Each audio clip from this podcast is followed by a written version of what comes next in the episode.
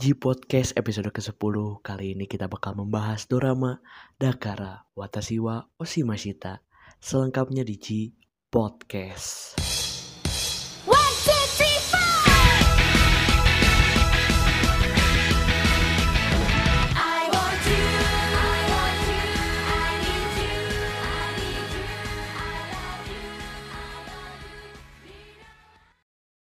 Ohayo gozaimasu, konnichiwa, konbanwa, oyasumi nasai. Di mana pun G listener berada Dalam kondisi apa pun G listener berada. Kembali lagi di G Podcast episode ke-10 Akhirnya setelah beberapa bulan tidak upload Akhirnya kita kembali upload.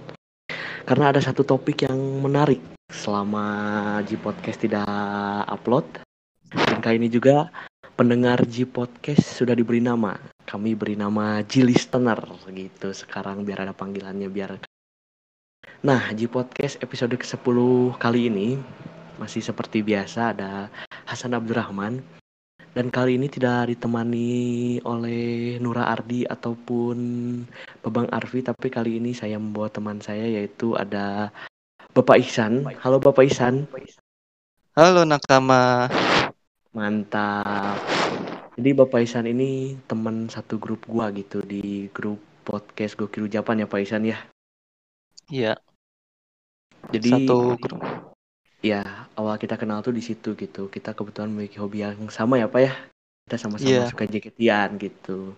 Iya. Terus Bapak selain jaketian kalau perjepangan duniawi ngikutin apa lagi Pak?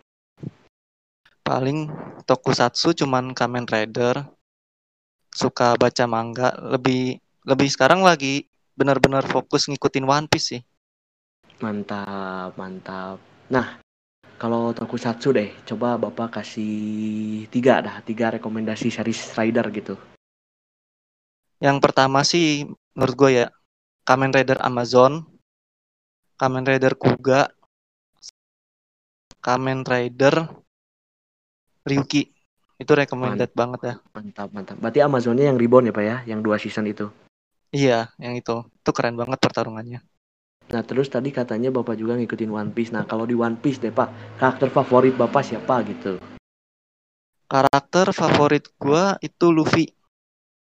Karena, karena dia itu apa ya dia itu sebenarnya orangnya tolol tapi dia setia orangnya oke oke oke oke.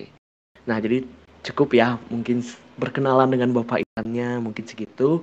Nah sesuai yang tadi sudah saya buka di opening gitu, kali ini kita bakal membahas dorama Dakara Watashiwa Oshimashita. Kebetulan waktu itu gua kalau sebelumnya gua mau cerita dulu bagaimana gua menemukan dorama itu, Pak. Jadi kan gua tuh Oke. dengerin podcast podcast yang bahas jaketian gitu kan, namanya podcast Bingo Ijo ya. Terima kasih podcast Bingo Ijo atas rekomendasinya. Dia ngerekomendasiin drama ini, Pak. Akhirnya dari situ gua tonton tuh. Gua tonton ternyata kok ceritanya relate sama kita-kita sebagai wota gitu. Dari situ gua apa gua itu rekomendasiin ke grup Gokiru Japan gitu dan yang salah satu yang menonton itu ada Bapak Iksan. Nah, jadi kita langsung aja ya masuk ke tema. Bapak Iksan pas Oke. pertama kali menonton gimana Pak menurut Bapak? Pas benar-benar episode 1 deh. Menurut Bapak pas pertama kali lihat gimana tuh Pak? hmm, gimana ya itu kayak sebenarnya sih relate banget sih di gua karena emang banyak juga sih orang-orang yang kayak gitu apalagi ya di episode satu lu tahu kan pemeran cowoknya itu si Iya, Azuki Iya si Azuki yang osinya Karin itu gimana ya? Gue gue karena belum tahu cerita kesononya lagi. Gue ini apa sih? Tiba-tiba ya dia apa dia cuman otak, cuman fans ngajak nikah anjir. Iya iya. Oh iya benar di episode dulu sudah. Iya, Iya iya benar benar. Iya benar benar benar. benar. Nah itu nah kalau dari gua ya Pak ya first impression banget nih nonton episode 1 ya. Iya. Kan awalnya tuh kayak ada di si tokoh utamanya tuh kayak di sebuah ruangan gitu, kayak diinterogasi gitu kan Pak. Gue merasanya bentar. kan yang direkomendasiin sama podcast Bingo Hijau itu kan tentang idoling kok ini tentang kepolisian gitu. Nah terus tiba-tiba ada satu scene di mana masuk ke teaternya gitu tiba-tiba ada si Chen-nya pak yang Taiga, Faya, Saibah di situ gua Oh iya wah ini wah ini udah drama gua banget pak. Dari episode gua, gua udah ngerasa gitu. Terus habis itu ada scene yang handshake terus ada scene apa ngecannya kayak gitu gua udah merasa apa namanya merasa relate banget gitu sama si ceritanya gitu dari episode pertama gitu. Nah dari episode pertama tentunya kan kita melanjutkan episodenya ya. Nah mari kita bahas menurut bapak nih hal-hal relate apa gitu yang terjadi di dorama ini gitu Ada banyak sih dari kelakuan-kelakuan fansnya. Ada yang benar-benar tulus banget ngedukung. Ada juga yang emang gak ketolong aja sih emang tuh fansnya. Malahan iya, iya. ada malahan ada juga sih ya yang apa ya emang udah kenal sama orangnya dari sebelum masuk sih. Oh iya iya bener bener bener. Kalau dari gua hal-hal relate, jadi kan secara keseluruhan ini dorama tuh tentang idoling ya secara keseluruhan makanya kita sebagai wota-wota merasa relate. Yang pertama apa nih ya? Tentu dari sistem teater gitu kan ada teaternya. Terus kedua ada chance-nya yang di mana chance-nya tuh mirip banget sama kita kita nih pak sebagai wota Iya, yang JKT ya. JKT48. Gerakannya juga sama.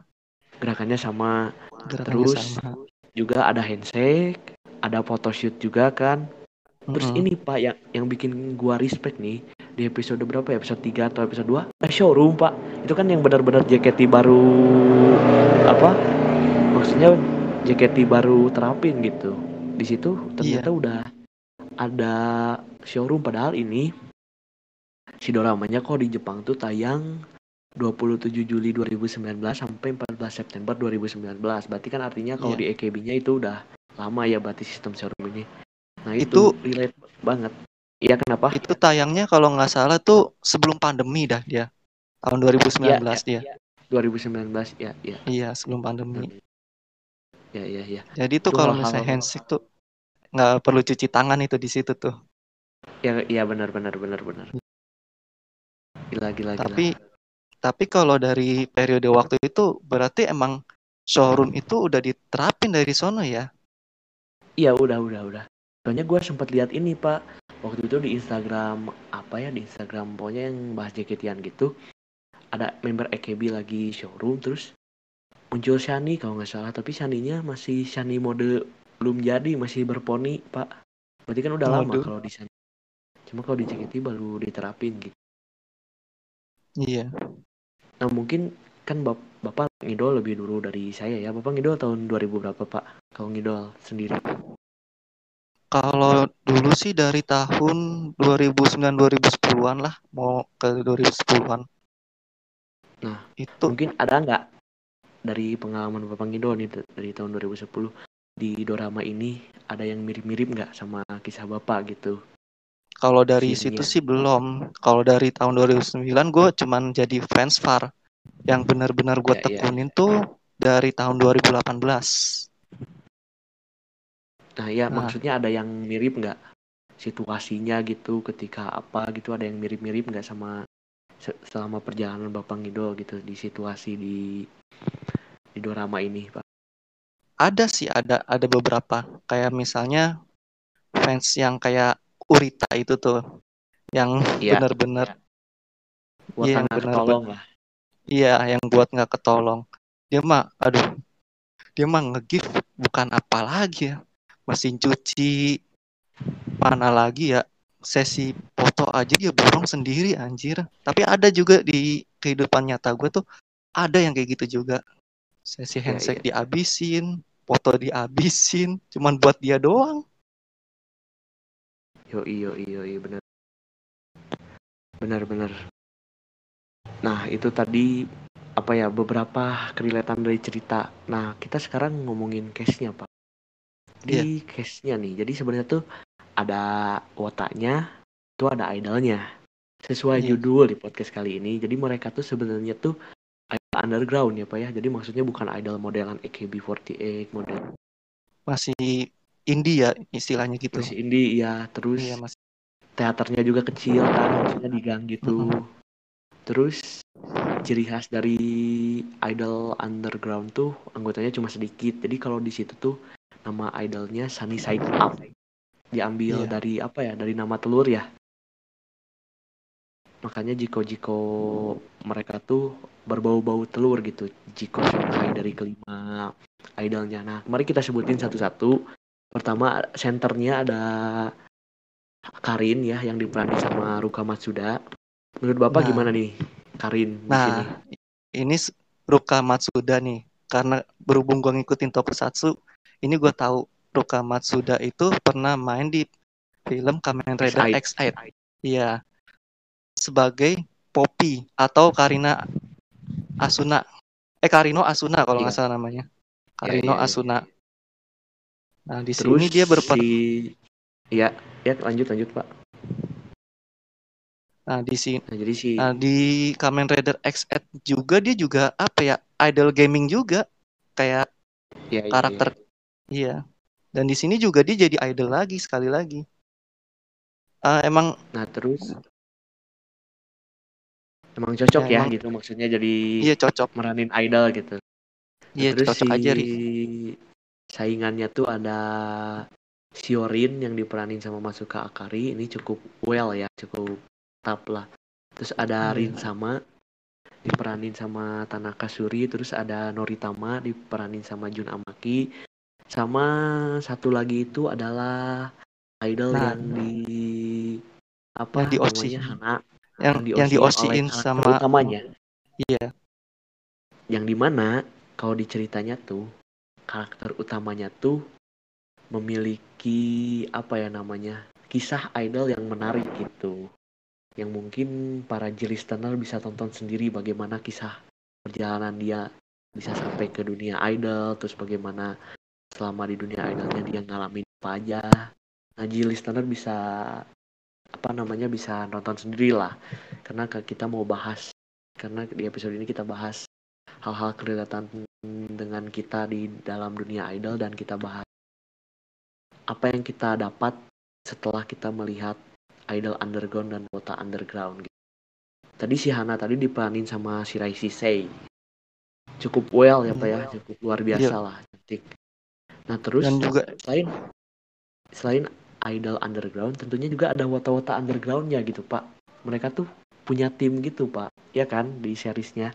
iya Yang ada di mana? Ada yang emang ya kenapa?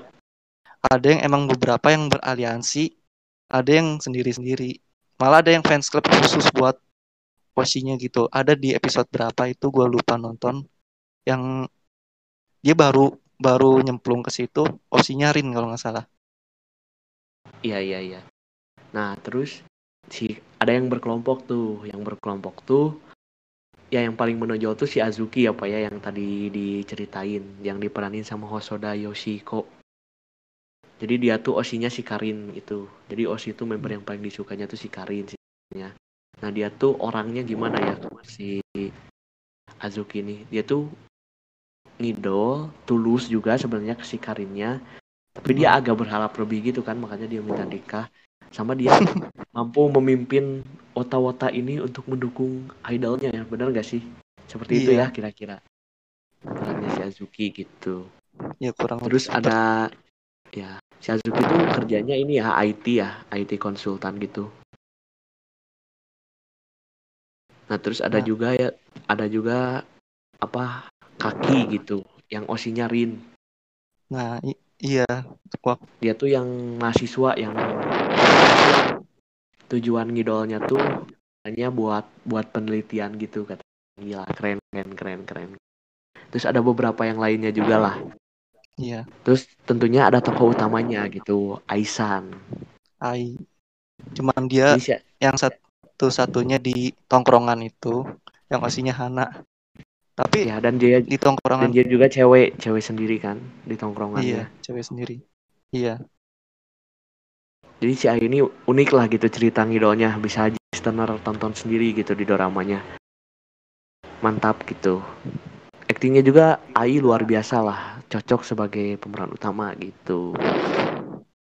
Terus ada juga Shiba Takafumi, dia juga apa yang sebagai pengacara yang paling tua sebagai Iya. pengacara gitu. Terus dari Dia sisi apa- antag ya kenapa? Di- Kenapa? dia itu ada sebutannya kalau nggak salah di itu sebagai Hako Oshi ya mendukung semuanya. iya satu grup lah dia dukung Ya, kalau kita kita nyebutnya Mina Daisuki. Mina Daisuki iya Iya, iya. Terus kalau dari sisi antagonisnya tuh ada Urita ya yang tadi kita sebut sebagai Wotanga ketolong. Kenapa bisa disebut Wotanga ketolong? Nah, Ji listener tonton sendiri gitu di doramanya. Kenapa dia bisa sampai disebut Wotanga ketolong gitu. Nah, dari case-case yang tadi sudah disebutkan yang tidak bisa disebutkan semuanya, Bapak nih paling favorit yang mana Pak kalau dari case-case ini? yang paling favorit sih ya siapa ya Ai kayaknya sih Aisan ya tokoh utamanya. Kenapa tuh? iya tokoh utamanya kayaknya harusnya ya sebagai gua, ngeliat dari karakter ya emang tuh seharusnya tuh fans itu ya kayak gitu kalau menurut gua. Dia tuh harus bukan cuman apa ya cuma bukan cuma nge-give doang berharap cuman halu berharap yang enggak enggak tapi ya ngasih saran gitu biar osinya tuh apa sih namanya biar osinya tuh berkembang gitu ngasih masukan karena di sini tuh terlihat banget. Hana itu ya itu di awal diceritakan dia tuh paling nggak bisa nari nggak bisa nyanyi juga. Nah semenjak dia masuk dia ditubir tuh habis-habisan istilahnya gitu ya. Ditubir habis-habisan sama si Ai. Nah setelah itu ya akhirnya apa? Dia ngosiin. Nah ngosi setelah ngosi dia diosiin. Ya karirnya berkembang juga. Itu juga ya berkat saran-saran dari dia. Malah ya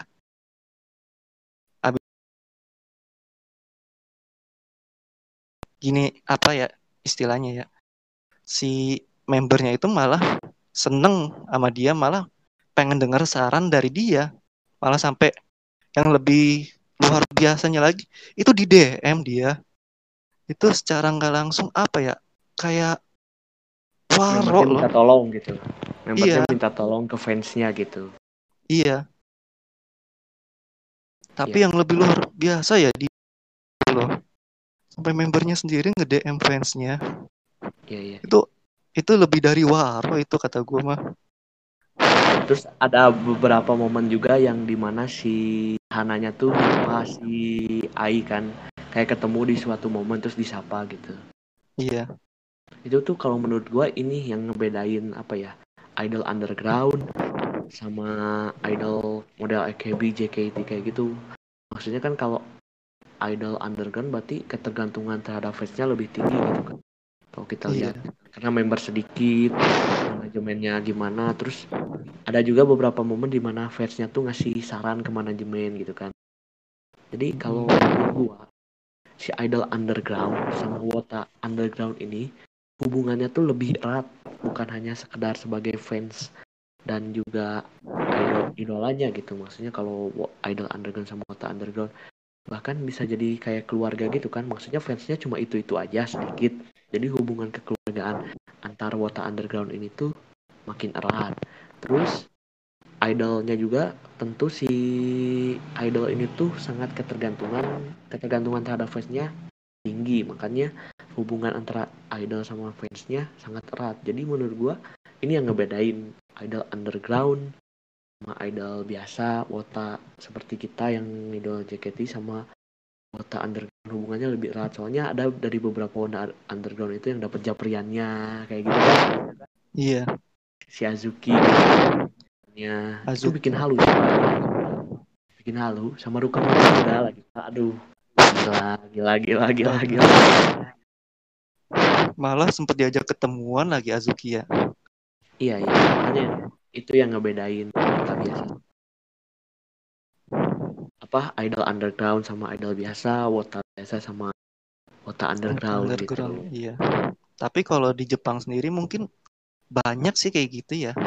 Ada Iya, iya. idol idol kayak gitu kalau di Jepang Nah, sendiri. makanya, ya, hubungannya itu lebih erat ya.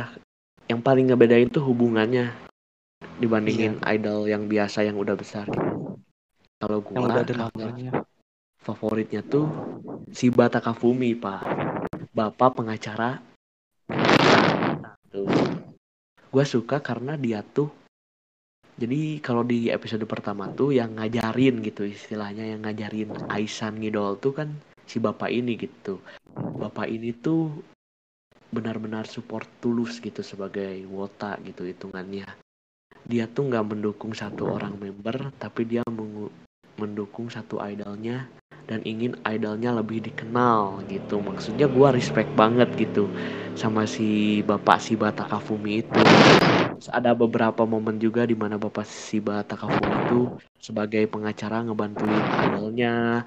Terus misalnya si kelompok kota underground tuh kayak minta saran ke si bapak Shiba Takafumi, dia kasih tahu, dia bimbing, dia arahin gitu. Terus dia ngajarin si Aisyah, dia beliin tiket handshake, dia ngajarin segala macam. Gue respect banget gitu sama tokoh ini. Dan menurut gua Bapak Shiba Takafumi ini adalah gambaran sebagai wota yang benar-benar wota support tulus pak Bapak Shiba Takafumi respect pak sih representasi representasi. wota support tulus ini adalah Bapak Shiba Takafumi tidak mendukung satu idol saja tapi dia mendukung. Maksudnya dia tidak mendukung satu member saja tapi dia mendukung satu idolnya. Luar biasa luar biasa luar biasa. Satu grup ya. Di grup satu itu grupnya doang. dia dukung. iya. Jadi dia nggak mendukung osinya nggak mendukung satu individu saja tapi satu grupnya Yoi, gila, respect Iya. banget, respect banget. Ini menurut gua ya si Bapak Takafumi ini sebagai apa ya? Di sini menurut gua sebagai amanat ceritanya gitu. Sebagai orang yang untuk menyampaikan amanat dari si cerita dorama ini gitu si Bapak si Takafumi itu mana di akhirnya dia ngasih kerjaan ke Aisan kan? Iya. Banget, respect, respect, respect. sampai ngasih tiket dia Iya, iya, iya. Nah, cuma ada satu ini pak, ada satu misteri yang belum terpecah. Gua nyari lagu, gua nyari lagunya susah benar pak. Lagu dari Sunny Side Up itu enak banget pak. Lagu dari Sunny Side Up ya nggak sih? Menurut gua Iya. enak sih lagu Sunny Side Up. cuman sayangnya aja nggak ada ya itu dari Iya cok. tahun 2019 rekaman sampai sekarang belum diputar juga Iya itu belum enak. ada playlistnya asli. Lagunya cocok lah di telinga gua gitu Sunny Side Up. iya bikin semangat juga lagi Yoi benar-benar. buat para wi suka sama idol group itu emang lagu cocok sih enak Yoi. Keren banget lah ini doramanya gitu. Selain dibalut dengan keceriaan tadi, dengan keriangan dunia hi- hingar-bingar dunia idoling, dorama ini juga diselimuti dengan misteri, dengan detek apa berbau-bau detektif gitu. Ada thrillernya juga ya gitulah luar biasa. ada Luar dark biasa. side-nya juga Yoi. Sebagai penutup nih Pak, apakah Bapak merekomendasikan dorama ini kepada teman-teman pencinta dorama atau mungkin wota? Apakah Bapak merekomendasikannya dan kenapa Pak? mungkin ini cuman merekomendasiin ke Wota aja kalau misalnya cuman pencinta drama atau anim mungkin nggak akan tahu nggak nggak akan tahu atau paham ini cerita Kurang relate ya, kurang relate. iya kurang relate kalau ke Wota mungkin paham mungkin sama dramanya karena emang ini ceritanya emang relate banget apalagi ya buat lu, lu semua nih buat para para wota semua yang nggak ketolong nih cocok juga nih buat mi- cerminan hidup aja. Kalau yoi. gue sih gitu. Nah, gua juga sama sih. Bakal ngerekomendasikan dorama Dakara Watashi wa Oshimashita buat para wota-wota gitu supaya mereka bisa belajar dari Bapak pengacara, Bapak Shiba Takafumi sebagai wota tulus dan juga bisa belajar kesalahan dari Urita sebagai wota nggak ketolong gitu. wota nggak ketolong itu mah udah Yoi. parah banget itu Yoi. terima kasih ya Bapak Isan telah mau hadir di G Podcast gitu. Iya. Akhirnya bisa record lagi, bisa rekaman lagi ngebahas dorama ini. Terima kasih lah gitu sekali lagi kepada Bapak Isan. Hai, Wari Masta. Hai. Ja, matane mantapu jiwa. Bye. Terima kasih Bapak Isan. Sayonara, arigato gozaimasu. Arigatou gozaimasu.